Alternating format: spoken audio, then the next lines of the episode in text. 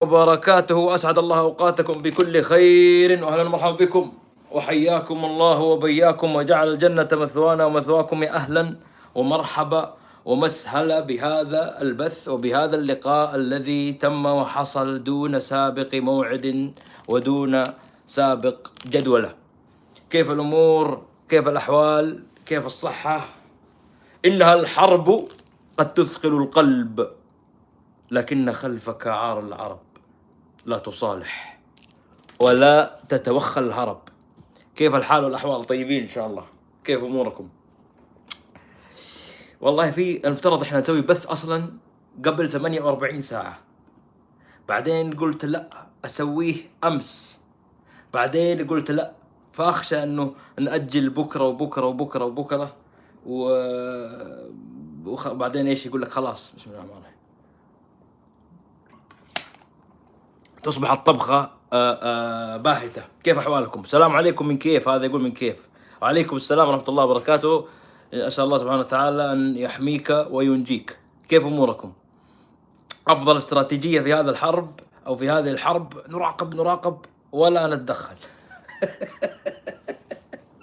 حلو حلو.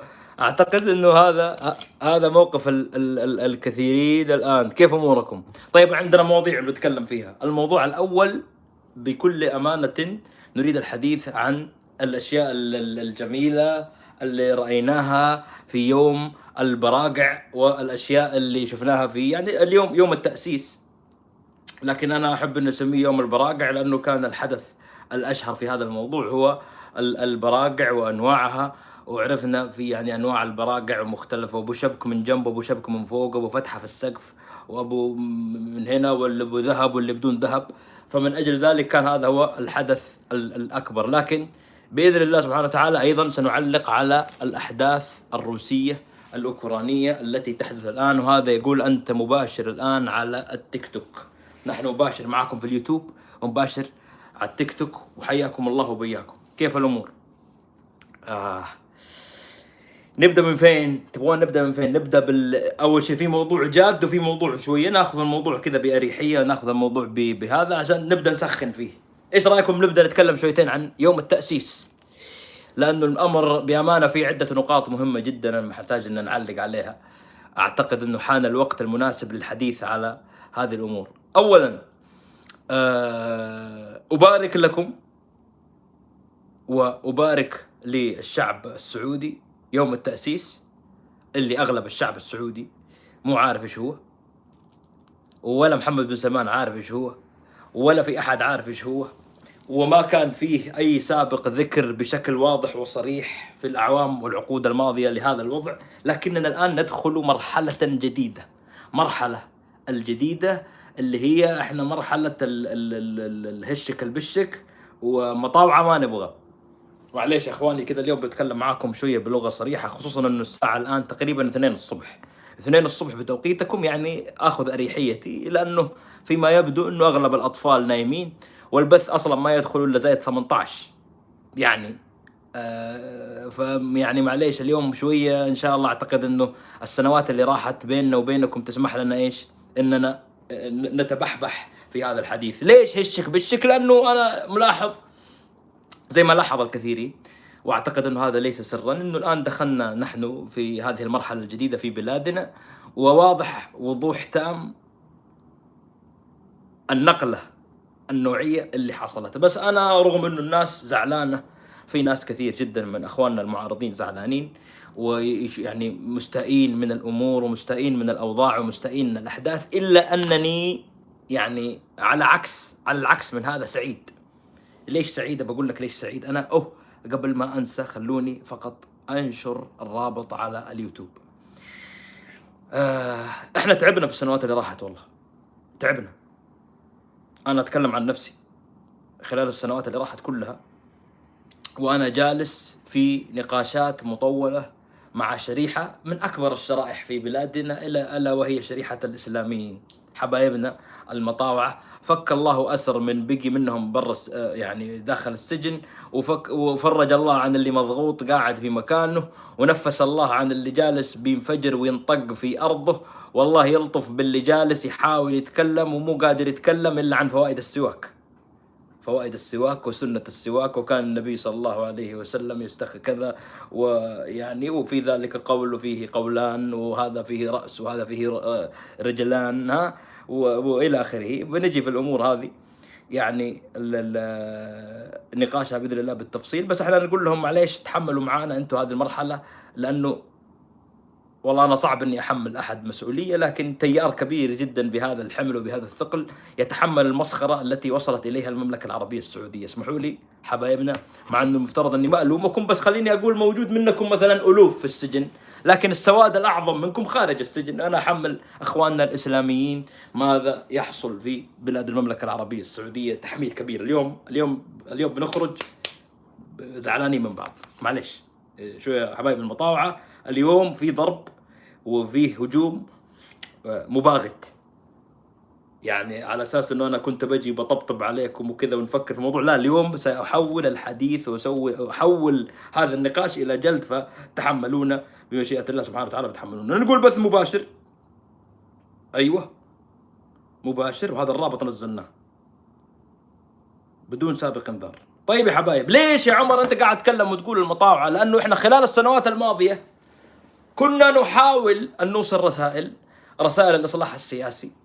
وبدأت هذه المرحلة من أشخاص قبلي يعني. يعني أنا وقتها لسه كنت أحبي حبوا وكان هناك من الأشخاص ومن الأسماء ومن الشخصيات من يتكلم في هذا الأمر. يعني أنا كنت وقتها حتى قبل أن يخلقني الله سبحانه قبل أن آتي إلى هذه الأرض كان هناك من تصدى وتصدر وبدأ يتحدث ويقول لإخواننا الإسلاميين أنه ما تفعلونه خطأ وسيأتي الوقت الذي تتخلص فيه منكم الحكومة حكومة المملكة العربية السعودية التي تستخدمكم اليوم لتلميع صورتها ولتوضيح بعض الأمور أو لتشويش الصورة على بعض الناس حتى أنهم كانوا هم الأساس وهم السد الأول والحائط الأكبر الذي استخدمته الحكومة حكومة المملكة العربية السعودية في أيام الثورات حينما انطلقت في عام 2011 ما أعتقد أحد يذكر تغريدات تركي الحمد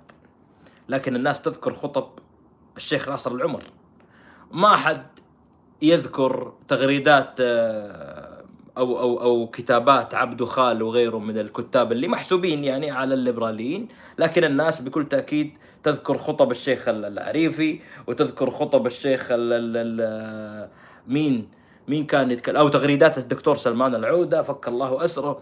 أو. مثلا تغريدات حتى الشيخ ناصر العمر معتقل أسأل الله يفرج عنه يفك أسره ويلطف به.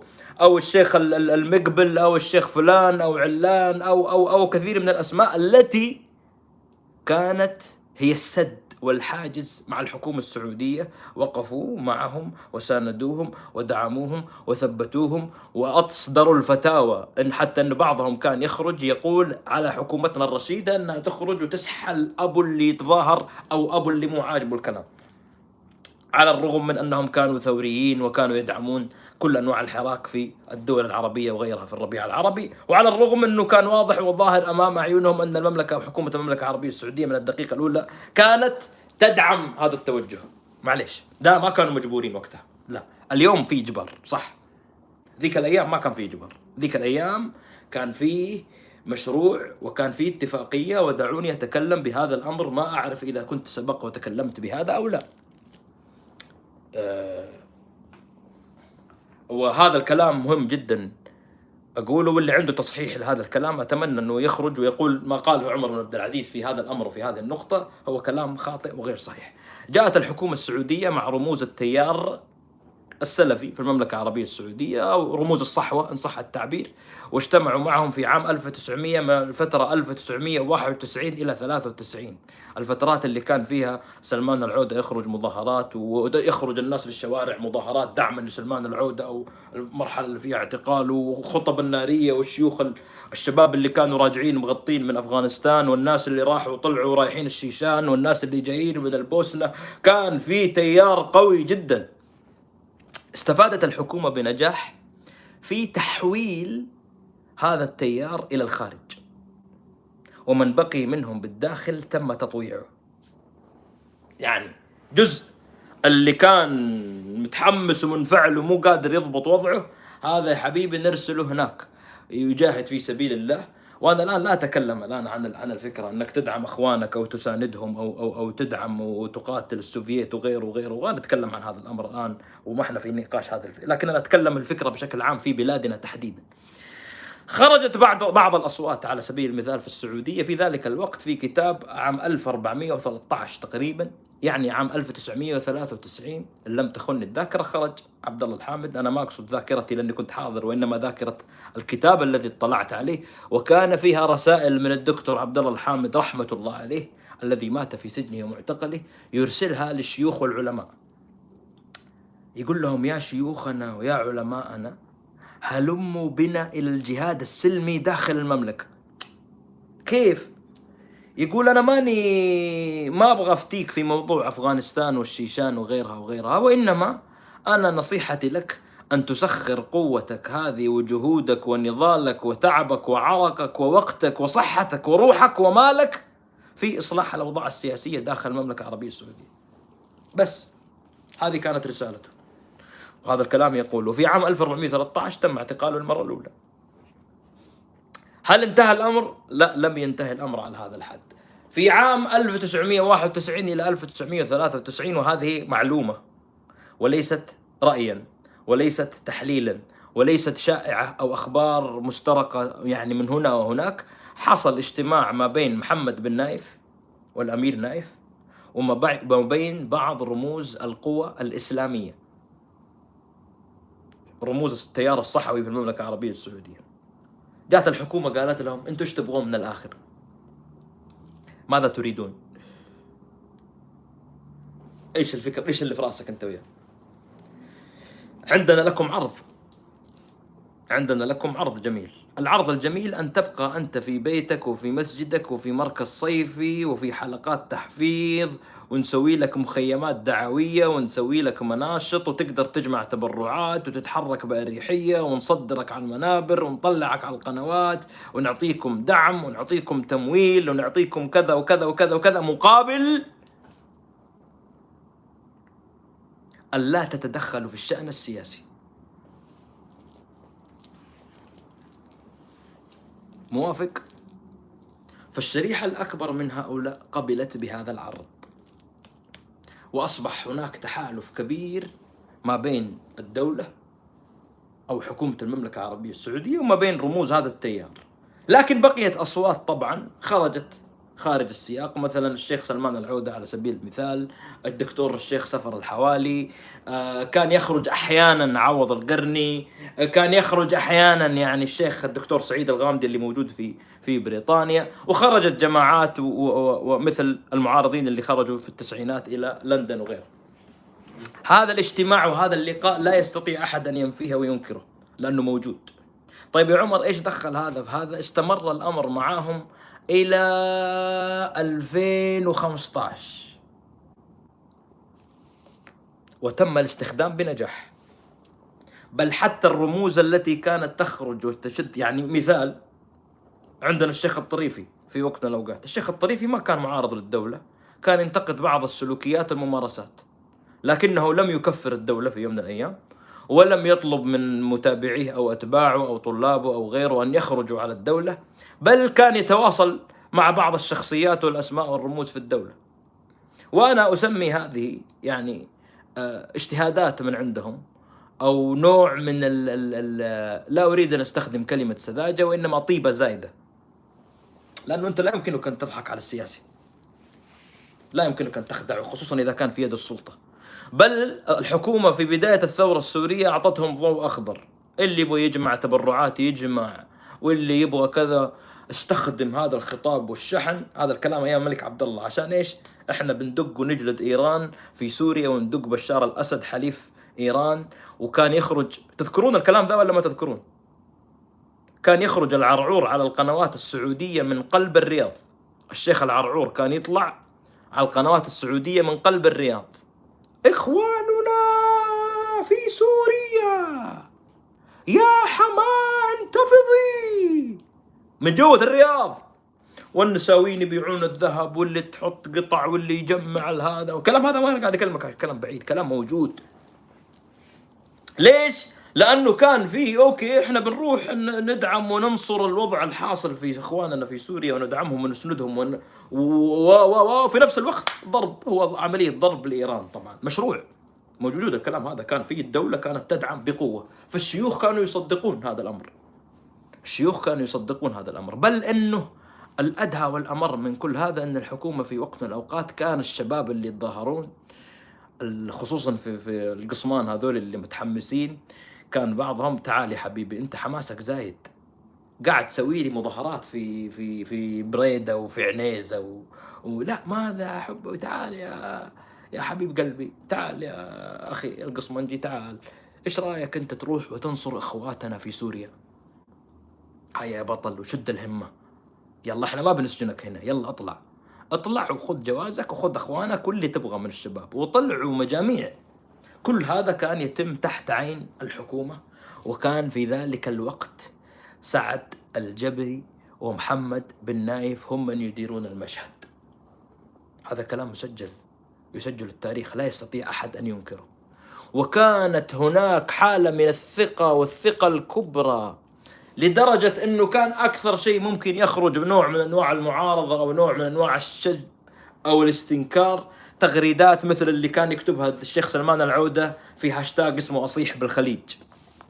لو تذكرون الشيخ سلمان العودة كذا كان يطلع طلعات ويسوي مقاطع من أين لك هذا ويسوي مقاطع كذا كذا بالإضافة إلى أن الشيخ سلمان العودة تحديدا كان من أشرس الرافضين لذهاب الشباب السعودي إلى سوريا. وهذا مش في مقطع واحد ولا مقطعين ولا ثلاثة في تغريدة وضعت فيها سلسلة من المقاطع سلمان العودة في أكثر من سبعة مقاطع ولقاءات يرفض ويعارض فكرة ذهاب الشباب إلى سوريا واحد يقول لي يا عمر الآن بالله إحنا أنت إحنا في روسيا وأوكرانيا ويوم التأسيس وأنت قاعد تدخلنا في الكلام هذا إيش الكلام هذا اللي أنت بتوصل له؟ أنا خليني أقول لك إيش الكلام اللي بنوصل له.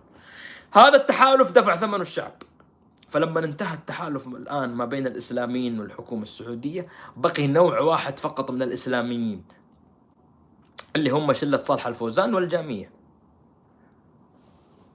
الآن هذا النوع فقط باقي. واحد الآن ممكن وطنجي يقول محمد بن سلمان تخلص من المتطرفين ولا لا لا أبى أقول لك أكبر شيخ متطرف بالفتاوى في السجن يعتبر فرنش فانيلا جنب صالح الفوزان. صالح الفوزان يكفر الشيعة يهدر دماء المعارضين. إلى الآن ما يجوز الواحد يصور بالجوال في الحرم. ما يجوز تستخدمون الجو إلى الآن عنده فتاوى تحريم التصوير بالمناسبة يعني. وإلى الآن يعني في ناس مجموعة من العلماء ومن طلبة العلم وكذا الذين يعرفون الحق ويستوعبون الوضع يشوفون إنه هذا الشخص إنه رمز وأسطورة وإنه لا حد وهو من أكبر الضالين المفسدين. صالح الفوزان من أكبر الأسماء التي ضلت وأضلت. صالح الفوزان. مستفيد راتب من الدولة يتم استقباله يلتقي به محمد بن سلمان وكل الفتاوى والأنظمة والشغل والتظبيط اللي تبغاه الحكومة موجود وجاهز. كله. كله. وأس وخش أكتب صالح الفوزان فتوى.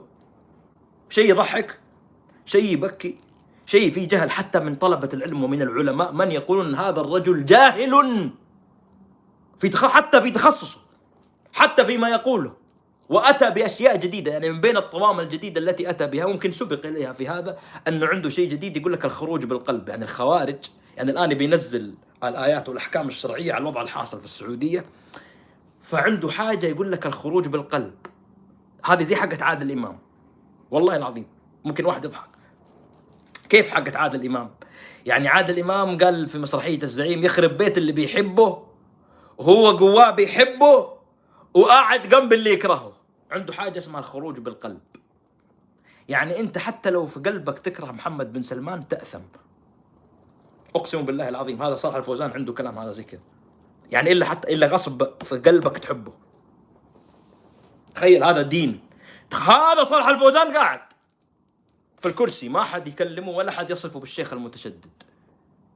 ترك الحمد وغيرهم وغيرهم يتكلمون عن واحد زي سلمان العودة اللي ما عنده مشكلة في موضوع مثلا قيادة المرأة ولا اللي كان عنده أفكار منفتحة أو اللي كان أو, أو العلماء والشيوخ اللي عندهم آه، آه، نظرة فيها تسامح أكثر أو فيها اعتدال أكثر أو زي عبد الله المالكي أو علي بن حمزة العمري أو عوض القرني هذول متطرفين. ليش؟ لأنهم يتعاطون الشأن السياسي. صالح الفوزان عنده برا سياسة. برا سياسة. وأشرس ما تسمع منه من ألفاظ ومن كلمات ومن تصاريح ومن عبارات و و و ضد كل من ينشغل بالعمل السياسي.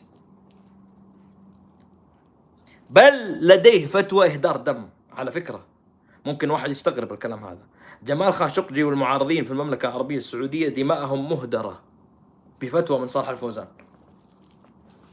طيب ناخذ شخص آخر ممكن يكون مرشح في وقت من الأوقات إلى أن يكون برضه يتولى منصب اللي هو الشيخ الشثري. الشيخ الشثري نذكر كلنا لما جات جامعة كاوست في في أيام الملك عبد الله عشان كان في اختلاط ما بين الشباب والنساء. طلع الشثري وتصدى لحملة كبيرة يعني almost almost كفر الأشخاص الذين كانوا يشرعنون الأمر. بس سعد السعد الشثري اليوم على ال payroll حق محمد بن سلمان. لدرجة إنه يطلع ويسأل المذيع حق العربية عن البوليفارد في الرياض. عادي ما في مشكلة هنا. ما زرت ما يقدر يعطي الآن اختلف. أوه كان في وقت من الأوقات شرس وكانت الأمور كذا وكانت أنا أعرف إن الواحد لما يقول لي واحد مجبور أقول أنا أبى أعزل نفسي. أو ابتعد عن المشهد. الآن طالع المذيع حق قناة العربية يسأله هذا اللي يجلس كذا. طبعا جالس يحجر له يبغى يتكلم هو ما هو عاجبه الأكشن هذا. شيء محزن. هل هل ما هو رأيك في آه، آه، آه، موسم الرياض؟ هل تحضر إلى موسم الرياض؟ هل زرته قبل ذلك؟ يتكلم. حلو. طبعا فين اللي كانت الشراسة والبطولة وكذا هذه فيها عدة أسباب. من أبرز هذه الأسباب إنه سعد الشتري مستفيد والشتري مستفيد مستنفع. أعرف إنه في ناس كثير من الملتزمين الآن من الإسلاميين الآن ما بيعجبهم الكلام. دق راسك في أقرب جدار. كفاية تقديس وتطبيل لرموز ضلت وأضلت اللي باقي يطبل ويتكلم ويزعم انه محمد بن سلمان والشلة اللي معاه قاعدين يطبقون شريعة وقرآن وسنة وكلام فاضي هذا يخبط رأسه في أقرب جدار لأنك أنت أضل من حمار أهلك. تجيب أصغر طفل في السعودية يقول لك يا أبويا سيب الكلام يا أبويا سيب الكذب ذا فكونا من الدجل هذا اللي تقوله. ماشي. فهذه الأمور ظهرت ووضحت حتى لأصغر لأجهل جاهل. أجهل جاهل يقدر يقول لك يا ابن الحلال هذه الأمور ترى أصبح الوضع الأمور خاشة ببعض والأمور خ... راحت وطي. ما بعد إنك تجيب تقنية من الصهاينة وتستخدمها ضد أبناء شعبك. طلع لي فتوى بالكلام ذا. قسم بجلال الله لو تنزل عليهم فتاوى محمد بن عبد الوهاب هذولي حلو ما يبقى منهم أحد.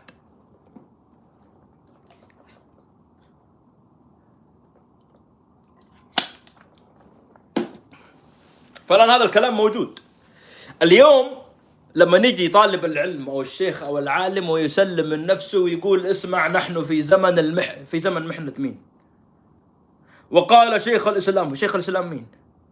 شيخ الإسلام ابن تيمية كم مرة سجن عشان يتكلم ويقول كلمة حق قال شيخ الإسلام وراح شيخ الإسلام وجاء شيخ الإسلام ونزل شيخ الإسلام وينك أنت عن وين شيخ الإسلام؟ ولا تتكلم عن شيخ ولا تضرب مثال حتى قدام لما تجي تذكر تذكر سيرة أو قصص أو تحدث الناس عن شخصية أنت معجب بها أو تراها رمز أو قدوة مو تأخذ في الجانب اللي تبغى وتسكت عن الباقي.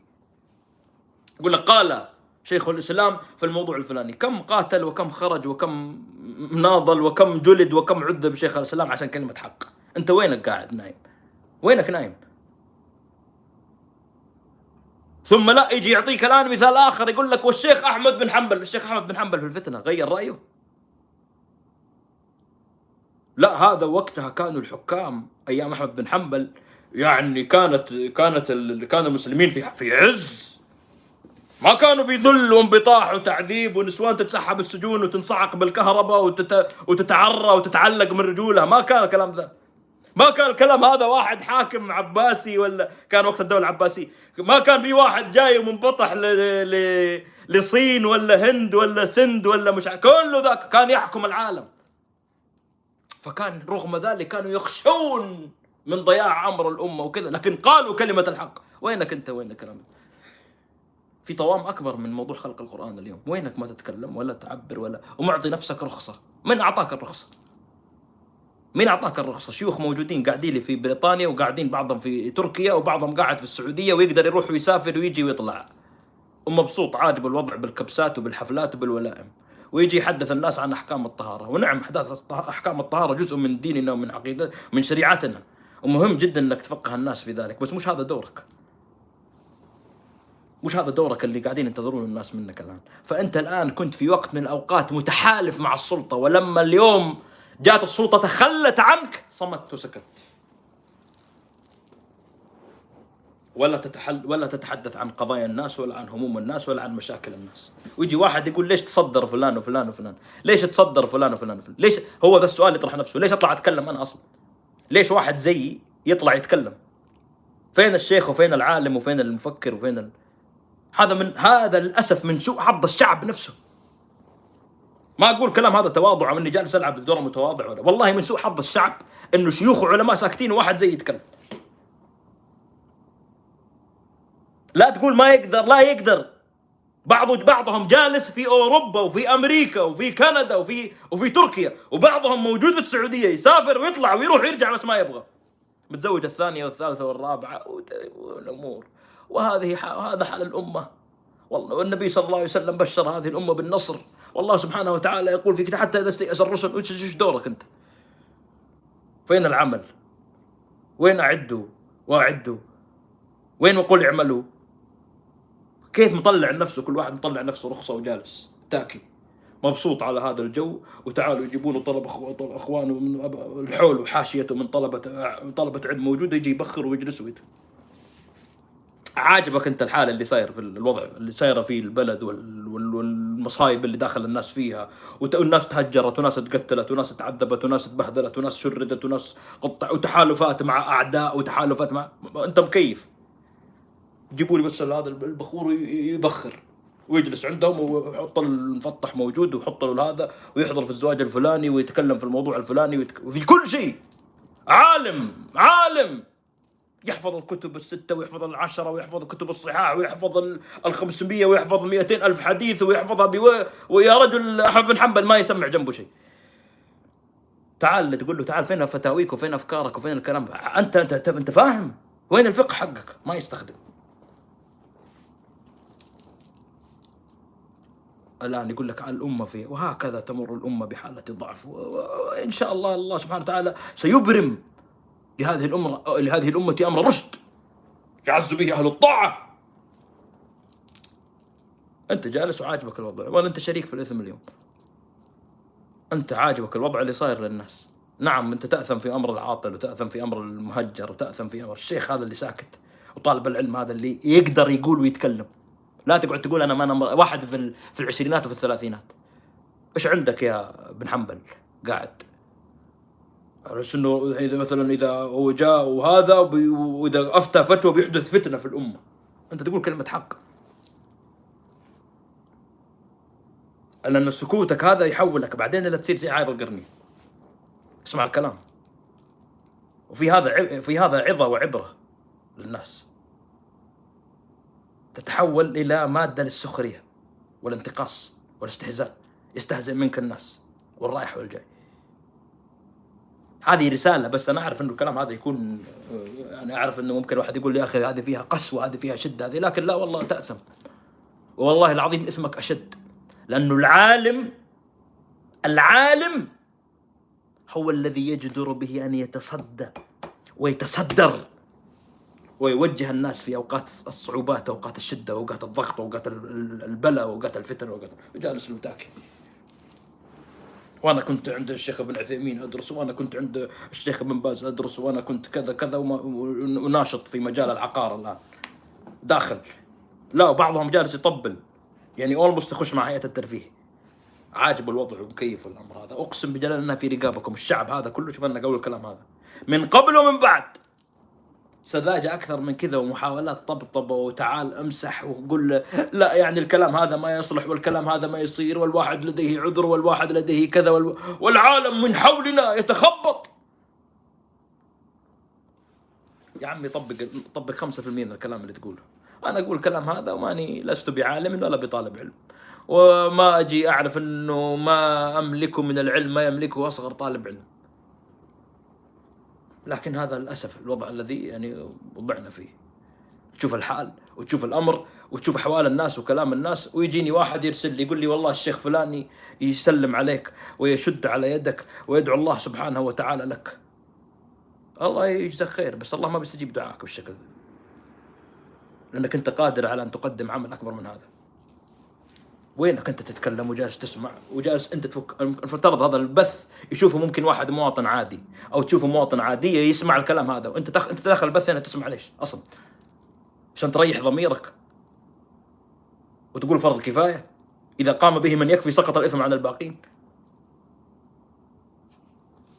أنا ما أقول الكلام هذا من من يعني بقول لك شكرا جزيلا لك وبارك الله فيك والله يحفظك ولا تنسانا من صالح دعائك. وانت تقولي لا تنسانا والله إنكم على ثقة واننا كلام هذا السواليف ما نبغاها نبغى عمل. أو أنت جالس في في في في في المجالس الخاصة اللي تسويها وتناقشها وكذا. في واحد جالس يتكلم يسكت الناس في المجالس الخاصة. شيخ كبير في جدة. إذا حد تكلم عنده في المجلس الخاص يقول له لو سمحت أخرج. إيش حالة الذل والخوف ذي اللي وصلت لها وما عليه منع سفر ولا عليه شيء. خذ قفشك وعفشك وعيالك واللي معاك واخرج. في 167 دولة حول العالم. لا تروح أوكرانيا لا تخاف. ما بنرسلك أوكرانيا. روح أي مكان آخر. واخرج وتكلم قول كلمة حق. كم باقي من العمر والحياة؟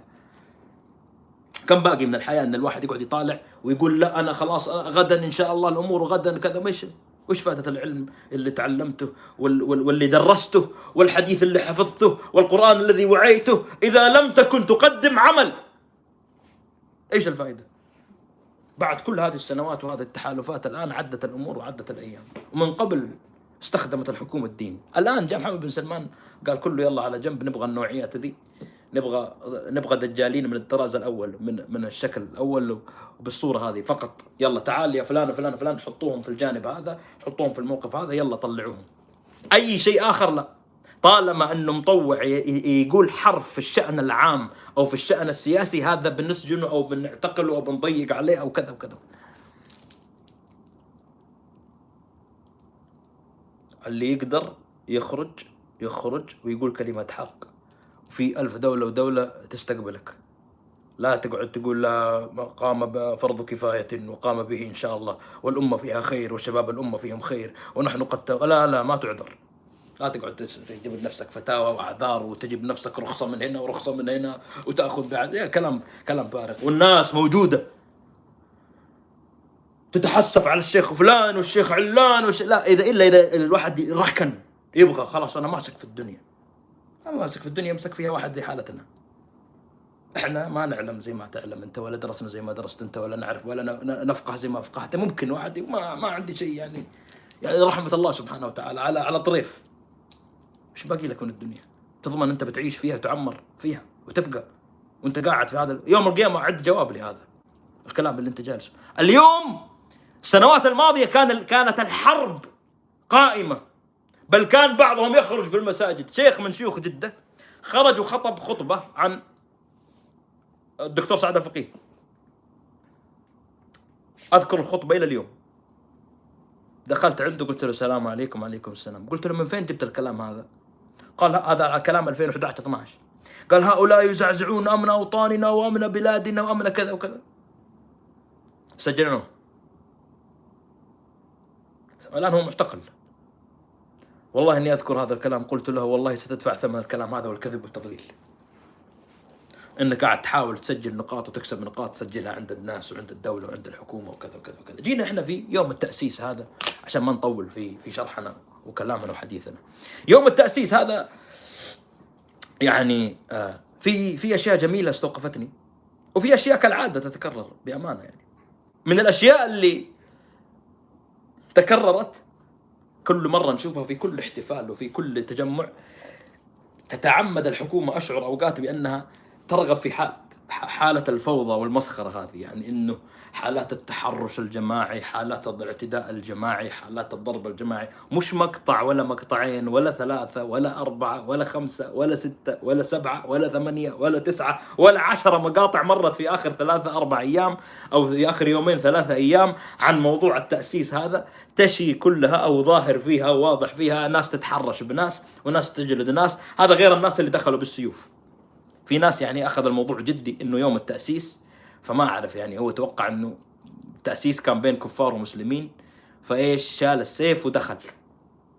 مجموعة من الناس ما أدري في حفر الباطن ولا في تبوك ولا ما أدري في أحد المناطق شافوا الموضع كذا تحمسوا شافوا الناس لابسين لبس قديم وثياب وبعض ال ال ال بعض النساء برضه في اللبس يعني ما ما لبسوا لبس التأسيس السعودي لا لبست لبس أيام الدولة الأموية.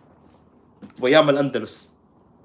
فصاحبنا حس بنفسه هارون الرشيد ودخل بالسيف عليهم.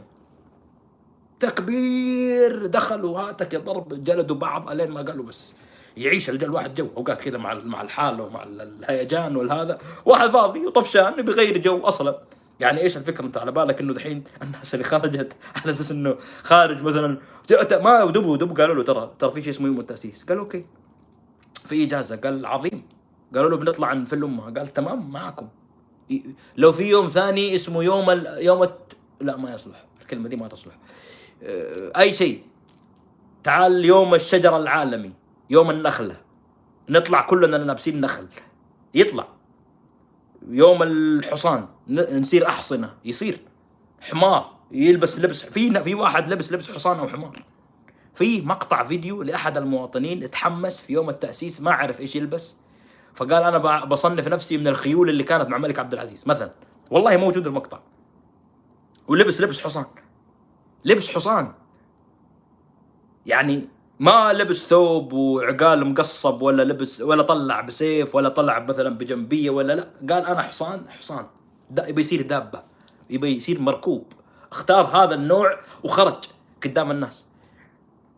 هذا ما ما ما في فكرة. الحمد لله تقول لي تأسيس ولا ما تأسيس ولا هذا جانب. في جانب آخر ياخذ الموضوع إنه يوم عرض أزياء تاريخية. وكذا كانوا يلبسون جداتنا. لا جداتنا كانوا يلبسون كذا في البيوت. صح. ما كان الوضع عندهم. الوضع يعني تصور الموضوع إنه كان ما في جدات بتلبس كعب وشنطة من شانل وبتحط مناكير وخصلها كلها برا ومتعطرة وتروح البوليفارد مو هذا ما له علاقة في كذا كانت في بيتها تسوي. ممكن مع مع جدك ولا مع بس مش بالشكل هذا إنه هذه جداتنا كان الوضع كذا. لو جداتنا الوضع كان عندهم فلة كذا ما كانت الأمور زي ما هي اليوم. صدقني. لا الأخبار التي جاءت والتي نقلوها الناس في ناس تتكلم عن كشف الوجه وغيره هذا موضوع مختلف. بس إنه الوضع اللي كان حاصل هذا ما له علاقة في إنه جداتنا كان شكلهم بالطريقة وبالشكل هذا. أين الحكومة في كل تجمع؟ نجي نتكلم ونقول كان في تحرشات. فين دور الحكومة؟ هل الحكومة تستمتع؟ لأنه مستحيل إنه كل ما وتم القبض. اليوم موسكو بالمناسبة موسكو طلع فيها مظاهرة ما في حالة تحرش واحدة جات الشرطة قمعتهم ومشيوا. كندا عندنا طلعوا مظاهرات جلسوا أسابيع جات الحكومة جلدتهم ومشي ما في صارت حالة تحرش واحدة. مع إنهم اللي حضروا فيهم أنواع. جايب من أمريكا من حقون ترامب وذولي اللي, اللي بالشاحنات واللي جاب سلاح واللي جاب موجود عينات. ليش الكلام ذا؟ رغم انهم كانوا يعارضون الدولة في خروجهم الحكومة في خروجهم. ليش ما صار في تحرشات وكذا؟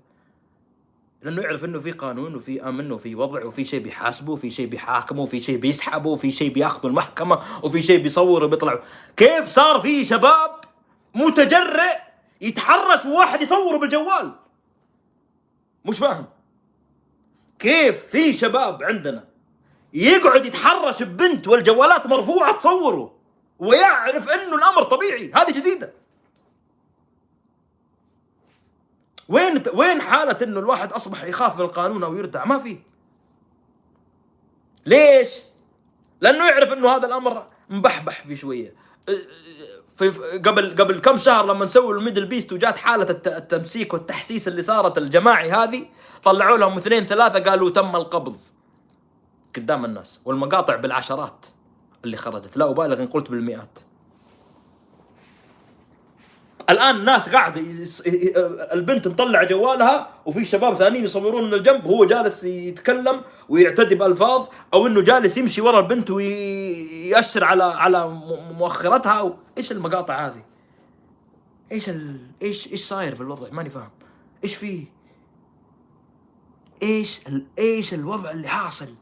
أنا بفهم كيف يحصل هذا الكلام بشكل طبيعي؟ ما في. أنا عايش لي 13 سنة في كندا ما في الكلام ده يصير. اللي يمارس هذا السلوك أو هذه العملية بهذا الشكل في الشارع وسط العالم وسط الناس ينسحب وينجلد يفرشونه ويسحلونه اي شيء. عادي. هذه جديدة. كيف كيف الحال وكيف الأمر وصل للحالة دي؟ تعرف ليش؟ أنا برضو أجي أحمل جزء كبير جدا من هذا الكلام للشيوخ والعلماء اللي في يوم من الأيام كان ينكر جزء من المنكر وتارك جزء آخر. هي اليوم معليش اليوم على على ظهركم حبايبي تحملونا يعني. قاعدين نقول حكومة حكومة حكومة. برضو الحكومة لعبت دور ما أنكر. عادي الأمر طبيعي جدا. آه حالة أخرى أنا بفهم. في واحدة تقول النقاب عبارة عن استعباد. وأنا لست بسلعة. وأنا متحررة من هذه العبودية. جاءت أمس متبرقعة في يوم التأسيس. أنا أول مرة أشوف واحد مستعبد ينبسط بالاستعباد. هذه جديدة. إلا إن كان بالنسبة لك أنت الأمر سواليف. يعني تقول النقاب يعني وكان بعضهم يشون حملات شرسة. تعال على فكرة هذا هذا الجانب فيه خير يعني اللي حملات شرسة. إنه هؤلاء مستعبدات وإنهن مستعبد اللي يدعمون فرنسا. عينات من هؤلاء يدعمون فرنسا في حملاتها وقمعها للنقاب. لا أمس يوم يوم البراقع طلع الوضع حبي و لا كانوا فالين أمها الجدات وكلام جميل والكحل والأيلاينر. وما ما فين؟ ما كان رمز استعباد.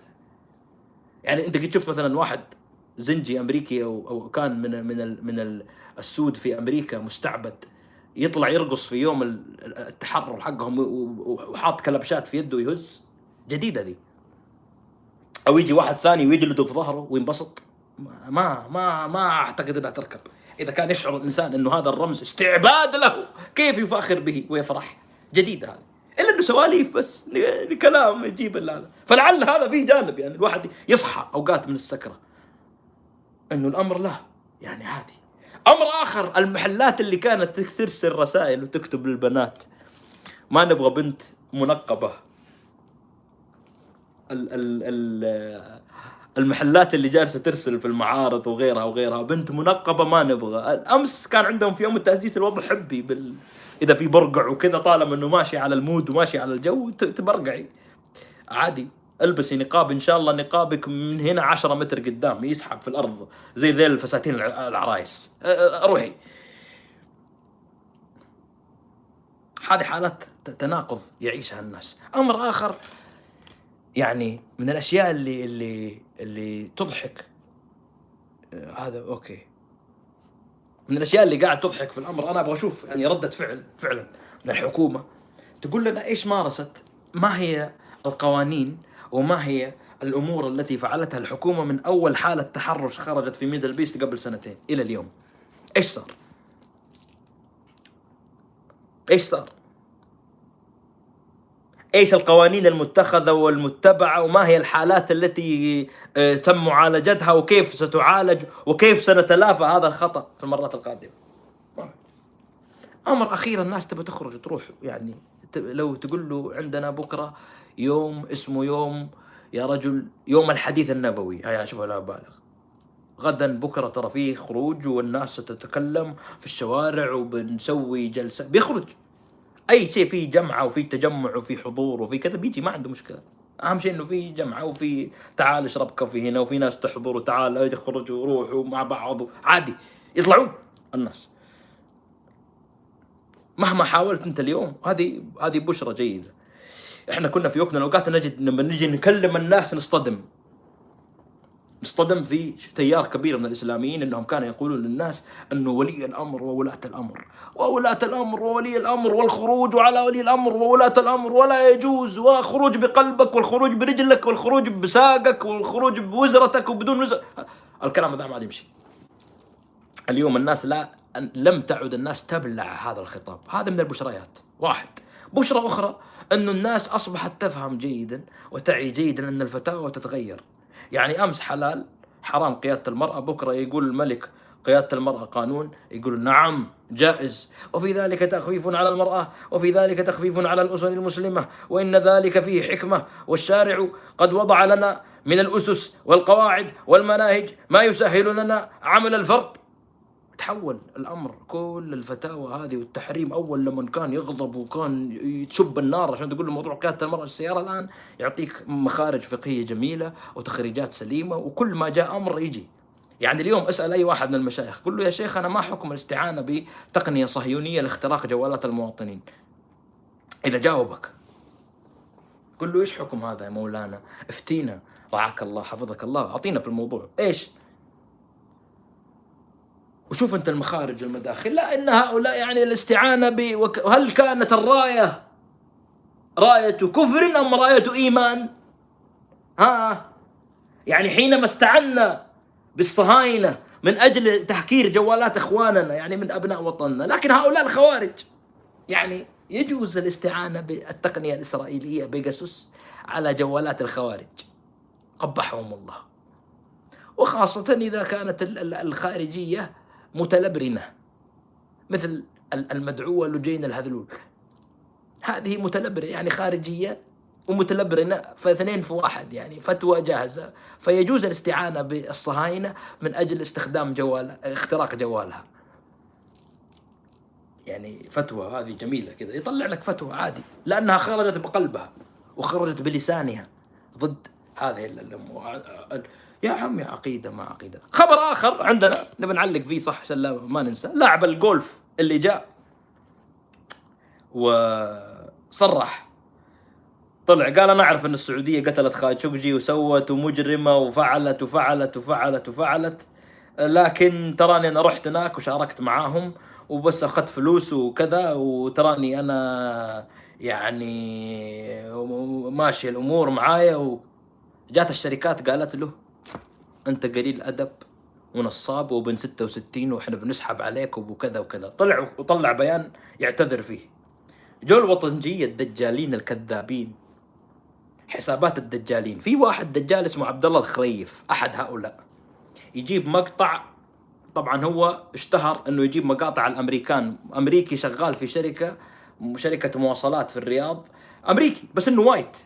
اللهم إنه white. حلو. يتكلم I love Saudi Arabia. Saudi Arabia حلو ويجيبونه شوف يمدح امريكي في الرياض I love البيك البيك is the best restaurant ever. حلو امريكي يحب البيك شوفوا وش يقول عنه مقطع ترجمه ويحط حقوق على المقطع يحط حقوق كانه مترجم مقطع نوم تشومسكي ولا مقطع الفيلسوف ولا مقطع التصريحات بوتين ولا واحد أمريكي دب في الرياض قاعد يقول أحب البيك. وأحس إني في أمان. خمسين مقطع خذ وخش وترجم ترجم. دجل عيني يعق. دجل.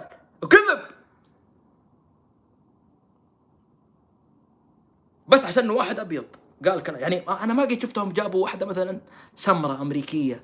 يعني جيب واحدة سمرة شعرها كذا يسمونه كيرلي. مثلا. تمدح.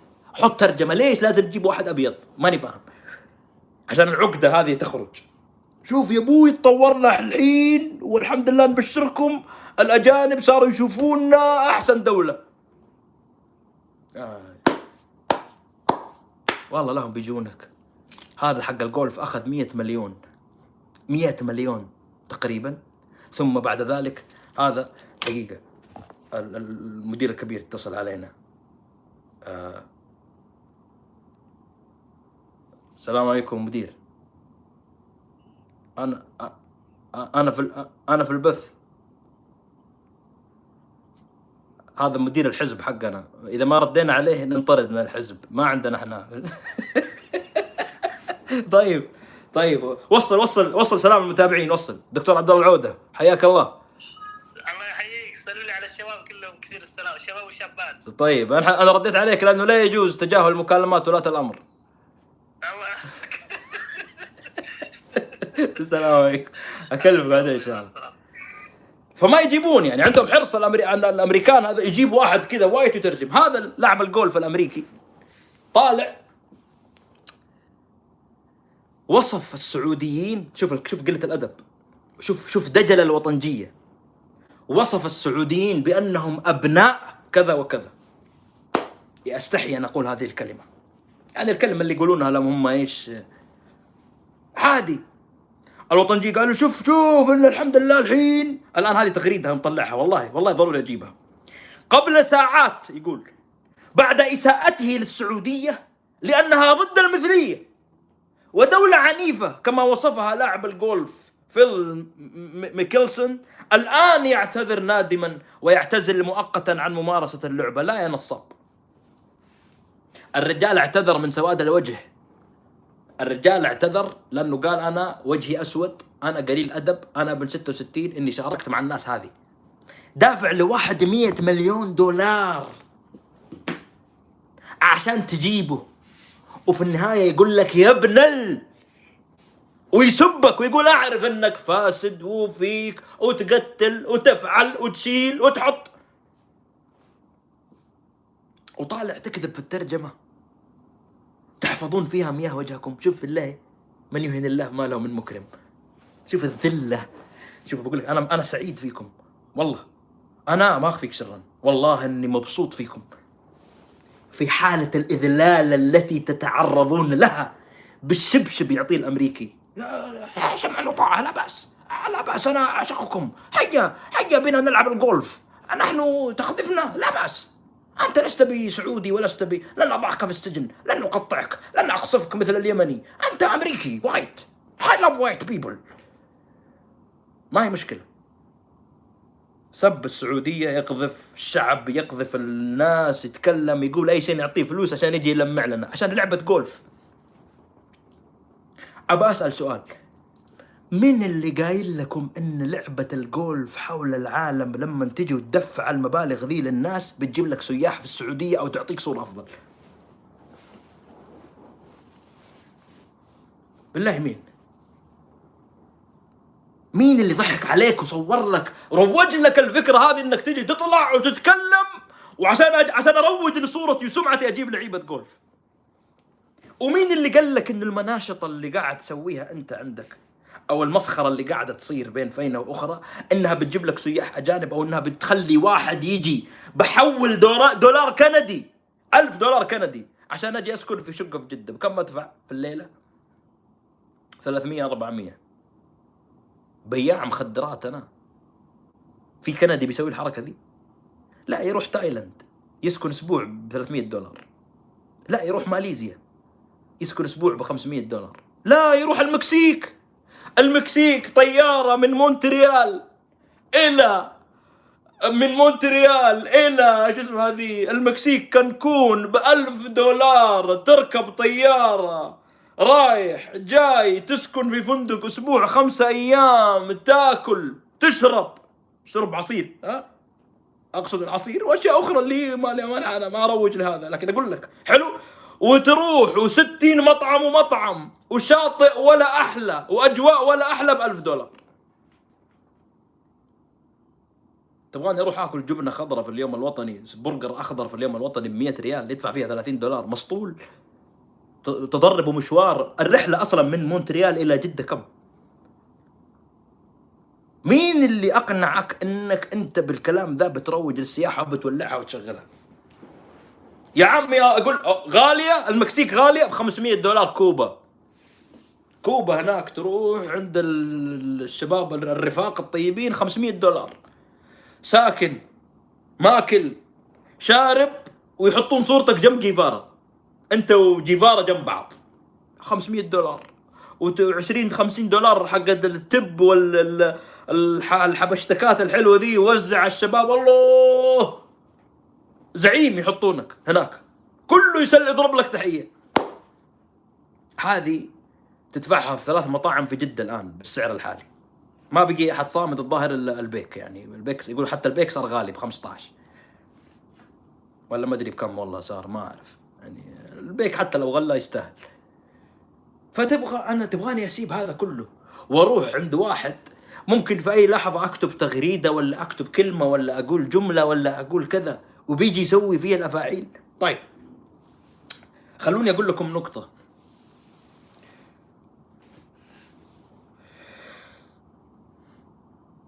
لا ما نقول ذي ما نقول ذي. هذا يقول لي هنيئا لنا نحن السعوديين بولي عهدنا وحبيبنا صاحب السمو الملكي الأمير محمد بن سلمان صاحب الرؤية وملك المستقبل. الله الله الله لا يحرمنا منك أبو سلمان. سلطان أبو عبد الله سلطان أبو عبد الله أطلب منك طلب إنك تحط اسمك ومعلوماتك الشخصية. تقدر تحط اسمك كامل؟ ومعلوماتك الشخصية تحط لنا بطاقة أحوالك. والله. لأنه لأنه نريد أن نكرمك. يعني ما ينفع. سلطان أبو عبد الله الشعب ما بيعرف مين. ابغاك كذا تخرج قدام الشعب وتقول أنا أدعم كذا كذا. عشان اللي ما يقدر يعني يشتمك علنا بيدعي عليك سرا. والله الناس الناس في مجالسها اليوم حلو؟ الناس في مجالسها ونحن نسأل وتشوف وكل الناس أنتم جالسين مع اقاربك ومع جماعتك وكذا ما خلوا ولا بقوا. وكل الناس يقول اي عارفين عارفين الوضع وعارفين الفساد وعارفين السرقات وعارفين الاختلاس وعارفين الفوضى وعارفين الفشل وعارفين كل الناس يا عمر إيش رأيك بالرئيس اليمني؟ إيش وضعه الآن بالسعودية؟ ما يتكلم ولا شيء والشعب الشعب ياكل ترند. الرئيس اليمني ما هو داري. الرئيس اليمني وضعه أصعب من وضع الرئيس الأوكراني. الرئيس الأوكراني على الأقل يدق عليها يعني يدق على بوتين ويكلمه وياخذ الجوال ويشرح هذا. عبد رب هادي منصور حتى الجوال ما عنده. الجوال مع سعود القحطاني في الديوان الملكي. يا أخي اشتي اغرد تغريده يعني اليوم اليوم اليوم يوم الوحدة. إيش تي نكتب تغريدة 140 حرف يا أخي؟ صلي على النبي. هذا عيب. يعطونه الجوال. يقول له طيب قول إيش تبغى تقول؟ ويقول التغريدة يعدلون عليها ويغردونها. ويغرد. هذا عبد ربه. قاعد. بيحرر يعني تخيل الآن تخيل أنت كذا رئيس أوكرانيا يطلع يقول له بحرر أوكرانيا من برا أوكرانيا. ولا يرجع. يصير يدير البلد من بولندا ولا يديرها من ما أدري فين. جالس. مبسوطين. مبسوطين عليه. قال لك بيحرر الأمور هذا. عليكم السلام. بعد أكبر ضرر سوف ينضر في الخليج هو نقص القمح حيث اوكرانيا هذا بنجي في موضوع أوكرانيا. بنجي في موضوع أوكرانيا إن شاء الله. ما رأيك يا أبو زهرة باعتقال الدكتور عبد الله اليحيى المعتقل بسبب انتقاده للتطبيع اسال الله سبحانه وتعالى يفرج عنه يعني. يعني هذا شيء مؤسف إنك أنت تسمع خبر إنه في واحد اعتقل عشان موضوع التطبيع. عشان واحد جاء وغرد وتكلم وقال وقال وقال. أبى أسوي لكم حلقة والله بس ما أعرف هل هو وقتها ولا كنت بسويها قبل أسبوع وكنت بسويها قبل أسبوعين وأجلتها.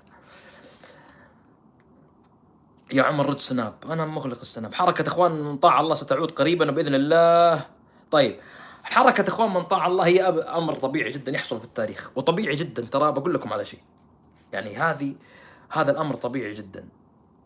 خلال الأعوام القادمة في السعودية ستخرج حركات راديكالية متطرفة شرسة.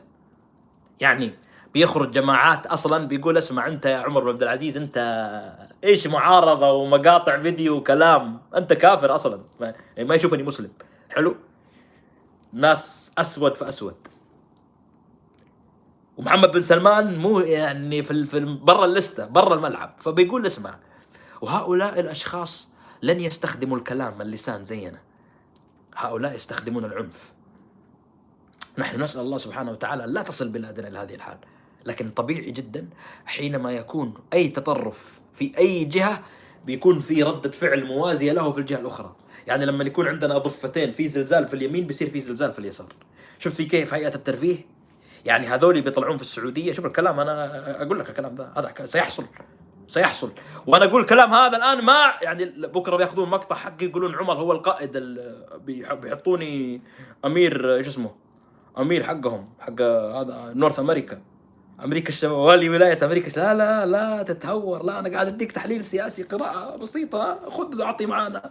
ماشي؟ يسموني ترى ما اسمه عمر عبد العزيز اسمه أبا حفص الزهراني. ويجيبوا لي صورة وأنا معصب كذا حلو وحواجبي داخلة في بعض بس جنب جنب الشباب. فطبيعي جدا أن تخرج مثل هذه الجماعات في المستقبل ها؟ يعني راديكالي متعصب يعني ناس ما يقبلون بالكذا. وغالبا غالبا أعتقد أنهم جماعات بكل تأكيد الناس تكون جماعات إسلامية. يعني ما عندنا ناس يساريين. إحنا مثلا يساريين مثلا جماعة بيكونون كارتيل مع مع متحالفين مع مخدرات مثلا ولا شغال بياع مخدرات مع ال... مع سن... Sinaloa cartel في المكسيك وبيجي يبيع في السعودية ويبي يغير ال system ويسيطر. لا ما. فغالبا سيكون إسلاميين من ال... من ال... من الجماعات اللي كثير من الرموز والشخصيات أصلا ضدهم. الله أعلم. آه يا عمر ابتعدوا عن الطائفية. إحنا مب... ها إحنا مبتعدين عن الطائفية بس عندنا مشكلة. بما انك تكلمت عن الطائفية عندنا موضوع إيران. أي مشكلتنا مع إيران مش طائفية. مشكلتنا مع إيران ليست مشكلة طائفية. أنا مشكلتي مع إيران كحكومة كنظام. أنا عندي مشكلة مع السيسي ولا لا؟ أنا عندي مشكلة مع السيسي. هل مشكلتي مع السيسي آه لأني أنا ضد السنة؟ لا أنا ضد النظام المصري. ضد ما يفعله الجيش المصري ضد ما يفعله السيسي. ما له علاقة الموضوع سني وشيعي هنا وإنما نتكلم نحن عن أنا عندي مشكلة مع نظام إيران وبالمناسبة أهم خبر بالنسبة لنا يوم الأمس نحن في المنطقة كخليجيين بالأصح. حلو؟ أهم خبر بالنسبة لنا أن إيران بدأت تعبي وتخزن في الشاحنات وفي في النواقل وفي في الناقلات وفي السفن وفي البواخر النفط والغاز لأنه قربت ساعة رفع العقوبات. والآن مع الضغط على روسيا ومع الخلاف ما بين أوروبا وروسيا إيران من أكبر مصدري الغاز في العالم. أعتقد إنه روسيا رقم واحد إيران رقم اثنين ثلاثة قطر. وبمناسبة قطر خليني أتكلم. في شفت قطريين فرحانين يبغون يسوون زيهم يقولون السعودية جالسة تتطور. قطريين. أي قطري مبسوط بإنجازات محمد بن سلمان؟ أنا عندي لك عرض. والله. أي قطري يحس إنه فرحان؟ والله جد. تكتب تغريدة ونبدل جنسيات أي مواطن قطري عاجبه يبي يطبل بلفة يجي يمين شمال حلو يبغى حلو؟ نبغى نطلعك؟ كذا نقول لك تعال يا حبيبي قدام الناس وأنا مستعد إني أجيب بدالك 100 سعودي. تحط جنسيتك هنا. والله العظيم أجيب لك 100 سعودي يسوون تبديل جنسية. وخذ يوم التأسيس وخذ MDLBEAST وخذ حفلات. حماقي وشيرين اللي تبغى. حلو؟ فأرجوك يعني إحنا ما إحنا ناقصين طبول زيادة. يعني يكفي عندنا ما شاء الله طبول في السعودية وكذا. فديني أنت من قطر. حلو؟ ماشي؟ ترى كان 2017 كان يبغون يسوون فيك زي أوكرانيا. بس أ- أ- ربي عدى الأمور على خير يعني بفضل الله سبحانه وتعالى. فيرحم أمك تطبيل ما نبغى. روقني ها؟ روق وصلي على النبي واركو شوف لك مواضيع ثانية كذا تناقش فيها تسولف فيها عن عن الأمور ذي الله يرضى عليك. طيب فعشان كذا نصيحة. إذا أنت مبسوط بالنموذج هذا مو عاجبك الوضع اللي أنت فيه الله يخليك سوي تبديل جنسية. وأنا عندي لك عرض خاص مئة واحد مستعد الليلة يبادل خصوصا إذا أنت موظف. الله! خصوصا إذا أنت موظف. موظف قطري الله يخليك. تعال وفي 100 مواطن سعودي مستعدين يسوون اختبار تحديد مستوى ياخذون مكانك الجنسيه دي ماشي؟ وخلي لك ال- والبس عقال مقصب والبسي آه مدري آه، هذا قناع ولا البسي برقع اللي تبغيه. طيب. هذا يقول موضوعنا لا موضوعنا عن الآن الموضوع الأخير الذي نريد أن نختم فيه موضوع روسيا وموضوع أوكرانيا. واليوم حصلت خلال الساعات الماضية تطورات عسكرية رهيبة أنا فوجئت فيها ولم نوفق في قراءتها. لم أكن أتوقع أن تصل الأمور إلى ما وصلت إليه لكن ما زلت مصر على أن أي حرب عالمية لن تنشب في ما يتعلق بملف روسيا وأوكرانيا. ليش؟ بقول لك ليش. هذا واحد. اثنين يظهر أمام العالم أجمع أنه لا يريد أحد أن يقاتل روسيا. لا يريد أحد أن يقاتل روسيا ولا أن يقف في وجهها، بل حتى الإدارة الأمريكية والاتحاد الأوروبي وقفوا خائفين عاجزين أمام روسيا واكتفوا بالتهديدات واكتفوا بعقوبات اقتصادية وحصار. طبعا قد تكون العقوبات الاقتصادية مؤلمة لكن هناك عقوبات اقتصادية أكبر. أكبر لم يتدخلوا فيها ولن يتدخلوا فيها. وما زلت أقول أنه إذا لم يتحرك اسمع معي الكلام الشعب الأوكراني. ويتدخل تدخل الدولة الأوكرانية وتتصدى لأي عمليات أو غيره وغيره وغيره. فلن تحدث هناك أي معركة تتدخل فيها أي دولة من دول العالم. يعني لما صار في ليبيا في يوم من الأيام دخلت روسيا ودخلت فرنسا ودخلت الإمارات ودخلت السعودية ودخلت الأردن ودخلوا ودخلوا ودخلوا. إذا لم تكن هناك موجودة مقاومة في طرابلس يوم 4 4 2019 لما استطاعوا الدخول.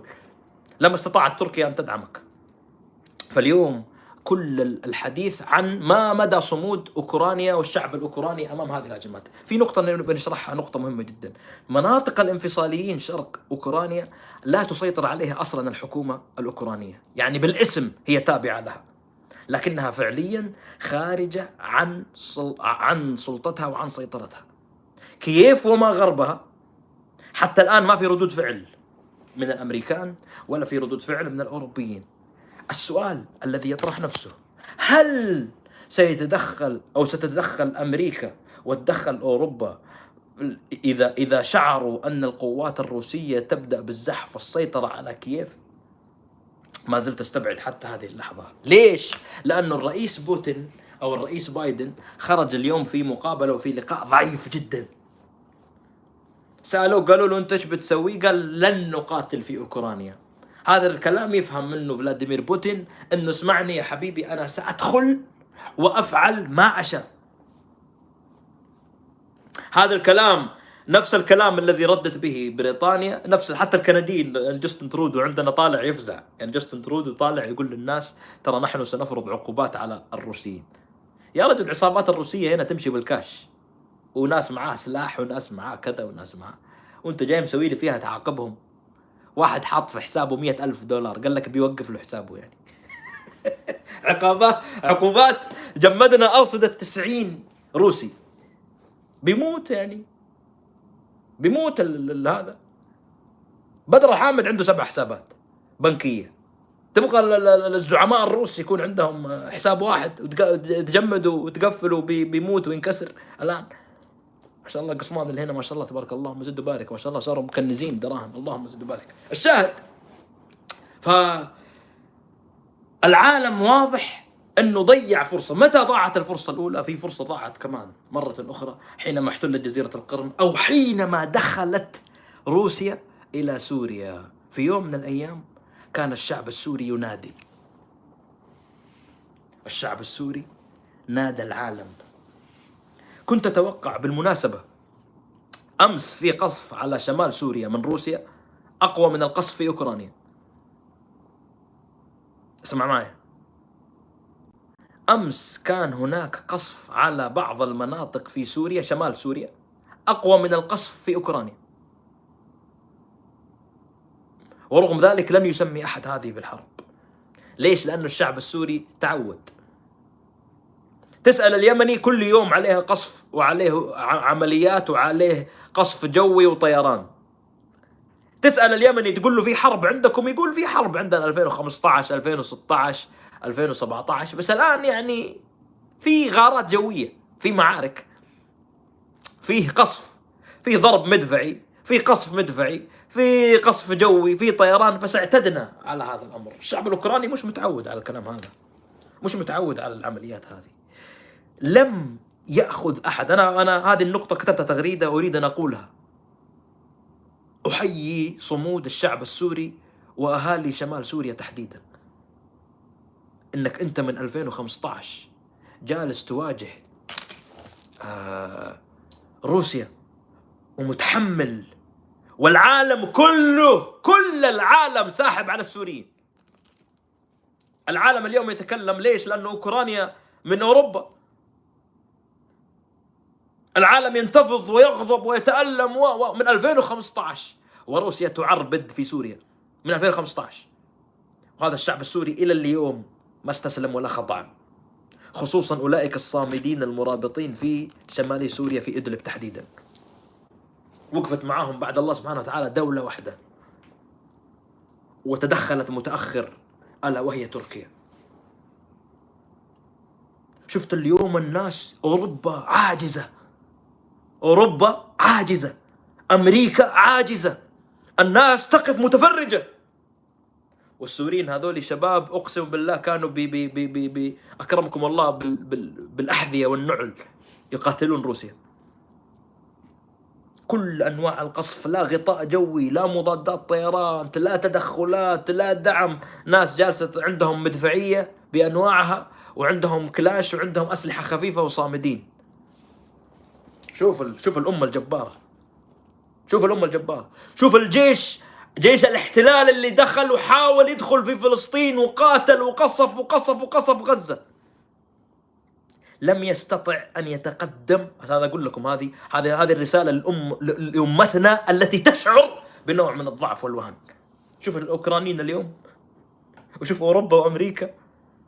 الصهاينة ما قدروا يدخلون حي الشجاعية في شمال غزة. متر واحد لم يستطيعوا الدخول. لا في 2014 ولا في 2019 ولا في 2020 ولا في 2021 واقفين يفحطون. ولا عندنا أسلحة نوعية ولا مضادات طيران ولا قوة ولا رحمة من الله سبحانه وتعالى. ناس تصمد في الميدان وتقف وتبقى. روسيا وهذا الكلام خطير يعني أنا بقوله وبشفره. لما كانت الاتحاد السوفيتي وكانت في وضع أقوى مما هي عليه اليوم خرجوا الناس في أفغانستان وخرج الشعب الأفغاني وأذاقهم المر. وخرجوا أشخاص من بلادنا العربية ومن المملكة العربية السعودية ومن اليمن ومن ليبيا ومن المغرب ومن الشام ومن مصر ومن بقية دول الخليج ومن عمان و و ومن الأردن ومن العراق وفلسطين. من لبنان ذهبوا إلى مناطق الصراع التي يتواجهون أنا أنا أتكلم أنا أميل لرأي الدكتور عبد الله الحامد رحمة الله عليه في هذا الأمر. ورغم ذلك هذا حدث حصل في الماضي. أذلوا الروس.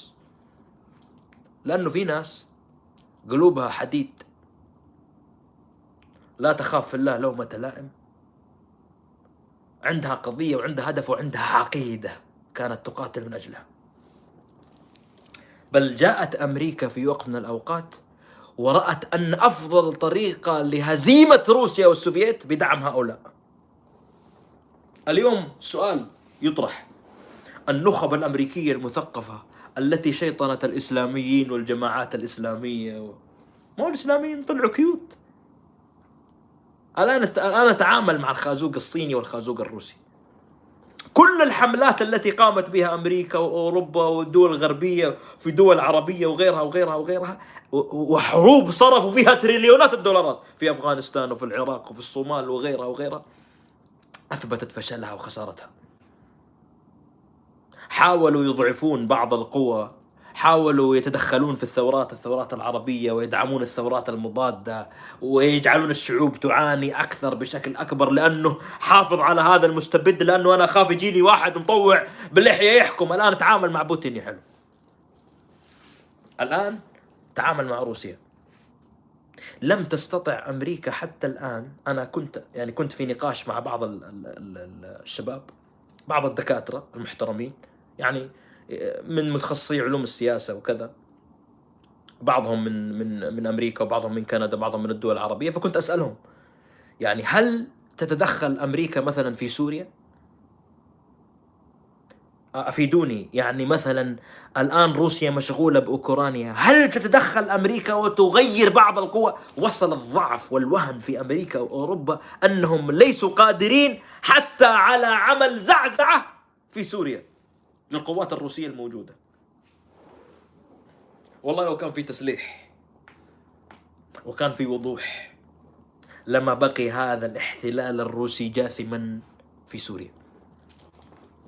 أنا اليوم الجماعه حقون الجماعة الشبيحه اللي مع بشار الأسد يقولون روسيا ضد الاحتلال الإسرائيلي للجولان. هي لك أهم شيء إنه روسيا ضد الحماية. وطبعا روسيا من أكبر الداعمين للكيان الصهيوني ومن ومن أكثر الجنسيات والأعراق الموجودة أصلا. هناك روسيين وأوكرانيين وجماعة موجود. أهم شيء الموقف الموقف هذا منه. يعني روسيا مع بشار الأسد خلاص تفعل ما تشاء. وماخذهم ال- ال- ال- ال- ال- الحماس الشديد في تأييد ودعم روسيا. يعني أنت لما دخلت روسيا بلدك الآن عايش في جوع أو عايش مشرد أو منكل بك. بيوت مقصوفه أحياء مقصوفه مدن مقصوفه ليرة وعملات منخفضة شعب يشعر بالجوع اختطاف سرقات فدية قتل تعذيب خراب دمار أوبئة. إيش أخذت من روسيا؟ القضاء على العصابات الإرهابية المسلحة. دمرت دمرت البلد يخرب بيتك وجالس جالس تطبل لبوتين على أساس إنه بوتين الآن جالس يستنى الجواب منك. يستنى الحاضنة حقته في اللاذقية ولا في طرطوس ولا في إيش اسمه هذا في, في في الضاحية الجنوبية في بيروت وقاعد يستنى أخش ولا ما أخش. ما هو داعسكم بس حتى بش- بشار الأسد بكبره يجي يرص جنبه. مثل مثل أصغر ضابط في في العسكرية الروسية. هذه بلدك اللي أنت جالس تتكلم فيها وجالس تطبل. ما هو عارف هذا الأحمق إنه الآن لما تجي أزمة في أوكرانيا بعض الناس جالس يكتب تغريدة. هؤلاء جميعا ليسوا مسلمين وان كيف يعني؟ إيش الكلام؟ يعني ناس تموت عادي؟ عشانهم مش مسلمين؟ ماني فاهم. أنا ماني فاهم الفكرة أصلا هذه أصلا. اللهم اهلك الضال واخرجنا من بينهم. ما في كيف اخرجنا من بينهم؟ كيف تخرجنا؟ تعال تعال. تعال الآن أنت الآن اللي, يكتبون الكلام هذا. ونحن ليس لنا وما لنا علاقة وفخار يكسر بعضه. لا مو تعال تعال حبي. الآن العالم يتغذى على خامس أكبر دولة تصديرا للقمح أو رابع أكبر دولة تصديرا للقمح في العالم أوكرانيا. يعني بكرة أنت ربطه الخبز اللي كنت تشتريها بريال تشتريها بريالين بثلاثة. اللهم ود- وخشوا في بعض ودمروا ما مش هذا الموقف ترى. ترى حتى لما كان في يوم من الأيام الروم والفرس يتقاتلون في وقت من الأوقات النبي صلى الله عليه وسلم كان يميل هو ومن معه إلى الروم إلى المعسكر الآخر يرون انه هؤلاء أقرب لنا. سالفة إنك تفرح بحرب أنا مش مش فاهم إنك أنت كيف تفهم إنه هذا الأمر ما بيأثر عليك في بيتك وأنا وخ... وس... وخ... فخار يكسر بعضه. وإحنا سالمين واللهم اخرجنا سالمين وإحنا ما لنا علاقة ويكسروا بعض ويذبحوا بعض كيف يا حبيب قلبي؟ ماني فاهم عادي عندك أنت الناس أو الناس النوعية اللي جالس ينكت الحين أوكرانيات يا عيال يب- يبون لجوء الله يرحم قسم بالله لا نعطيهم لجوء. الحين نجي لك. انه محاوله إنه نستظرف أو إنه ننكت أو إنه الأمر عادي أو إنه. ترى قريب الوضع منها. اسمع ما اسمع معي اسمع معي الكلام. صلي على النبي ليش الأمر هذا يخوف؟ ليش؟ يا عمر طيب في مبالاه لا لا لا لا. أنا أقول لك ليش يخوف؟ تعرف إذا تم الأمر ودخلت روسيا وأخذت أوكرانيا سهالات؟ أوكرانيا. حلو. أوكرانيا اللي هي دولة في أوروبا أو الناس كانوا قريبين إنهم يدخلون الناتو أو إن الناس كانوا بينهم وبين دول أوروبية اتفاقيات وشراكة وصفقات وعمل وخطوط أنابيب غاز تمر وكذا وكذا وكذا. هيصلي معايا على الحبيب. بكرة إيران لما تشيل التيشيرت حقها وتطلع العضلات وترفع العقوبات وتدخل لها سنتين ثلاثة كذا مداخيل نفط وغاز وشغل زي اللهب. ودخلت البحرين أو أرادت الدخول للبحرين. لا سمح الله! إيش تتوقع يصير؟ لما تشعر دولة زي روسيا أنها تدخل في أي مكان وتعربد دون أن تقف ترى هذا كارثة. يعني بكرة الصين تدخل على تايوان. تاخذها. بكرة إيران تقول أنا في مناطق معينة في العراق باخذها اسمع معي الكلام. بكرة البحرين بأخذها. واحد يقول لي يحب يجي واحد يقول لي معاصي إيران ما تقدر. لا. إيران ماخذة ثلاثة جزر من الإمارات وحالهم طيب. الإماراتيين أصلا ما يكلمونهم. الإمارات أصلا لا تخاطب إيران في موضوع الجزر. ما ي... ما يجيب له طاري. يتناقشون عن أسعار الزعفران ولا يتناقش عن الجزر المحتلة. ما يجيب لها طاري ما حد يتكلم فيها أصلا ما يعلقون عليها معتبرين إنه وضع حبي. بكرة سووا لك إنزال وعمليات ودخول أو لا سمح الله دخلوا قوات عسكرية وصار ضرب مضارب. خلال كم البحرين تروح؟ لما تيجي أنت وتقول الوضع حبي وأيد وفلان يخش وفلان يدخل اسمع معايا. ان ما تفعله روسيا اليوم يهدد السلم العالمي ليش تحديدا؟ لأنه وصل فيه المرحلة إنه ما يدخل دولة عادية أو استثنائية، لا، واصل فيه الأمر إنه يخش دولة زي أوكرانيا عادي. بكرة إيران بتقول يا أخي نأخذ لي أنا أنا في مدينتين قريتين بلدتين في العراق أخذها. طيب البحرين أخذها. بكرة عمليات شغب حول الكويت وما عندها وما عندك فوق وتحت. أو الجاليه الإيرانية اللي موجودة في دبي تسوي لها شغب بكرة بس. ويقولون نبغى حق تحديد المصير. الإيرانيين شكلهم أكثر من الإماراتيين في الإمارات. يقولون نبغى حق تحد- تحديد المصير. تعالوا احمونا. إيران تتدخل لحماية نصف مليون إيراني في دبي. الله خبر خبر عظيم. إيش تقدر تسوي وقتها أنت؟ ترى الموضوع مو سهل. الموضوع مخيف جدا. إذا مر الأمر مرور الكرام. أنه عادي. تصير العملية الوضع حبي. اللي بيخش يخش واللي بيقول يقول. هذا يقول السعودية تبي اليمن من تحت الطاولة والإما آه السعودية لما جو جو استخدموا ورقة أو الامم المتحده أنه إحنا جينا عبد ربه هادي منصور. هذه الحكومة الشرعية. وهذه الاتفاقيات التي وصل لها الشعب اليمني في وقت من الأوقات وتحاوروا كل الفصائل وكل الفئات وكان معاهم ناس قريب من الجماعة بحرف الحاء وكان معاهم إصلاحيين وكان معاهم كذا وكان معاهم من كل الفئات. في المؤتمر. حلو. واجتمعوا ووصلوا وصلوا ووصلوا الهادي رغم إنه يقول يا أخي الحرب يعني اندلعت الحرب وأنا والله يا أخي ما آه كنت مخزن. آه لا أعلم يعني من أين خرجت ومن أين من قصف من؟ قال قالوا لي في حرب دخلنا حرب. بس إنه قدام العالم هو حكومة شرعية. تحياتي لك يا أستاذ اللي من غزة أهلا وسهلا فيك. هنا بتخش أنت في العملية بالشكل وبالصوره هذه. الآن أنا أقول لك حتى تدخل روسيا أمام العالم روسيا تقول دخلنا في سوريا بناء على طلب حكومة معترف بها دوليا. بس أوكرانيا دخول روسيا إلى أوكرانيا هذا نوع من أنواع الغزو والاحتلال. والدولة بس أقول لك نقطة ومعلومة ترى أوكرانيا من أكبر الدول اللي في أوروبا بعد روسيا. ومن أك... من أقواها تسليحا. يعني ممكن في ثلاث أربع خمسة دول فقط في في أوروبا أقوى من تسليح أوكرانيا. مثلا بريطانيا فرنسا إيطاليا آه، مين يعني؟ أما بقية الدول الموجودة ذول الشباب بولندا و... و... ورومانيا و... والمجر ومش هذا هؤلاء لا يملكون أصلا قوة أوكرانيا. يعني إذا دخلت روسيا وتغلغلت بالشكل هذا ومر الأمر مرور الكرام هذا يعني ان الباب مفتوح. وبكرة كل دولة في العالم تجد عندها قوة ومساحة للتوسع والتمدد ستلقى ذرائع. بوتين في خطابه شدد على الإرث التاريخي. وأنا بوقف عند نقطتين ثلاثة هنا.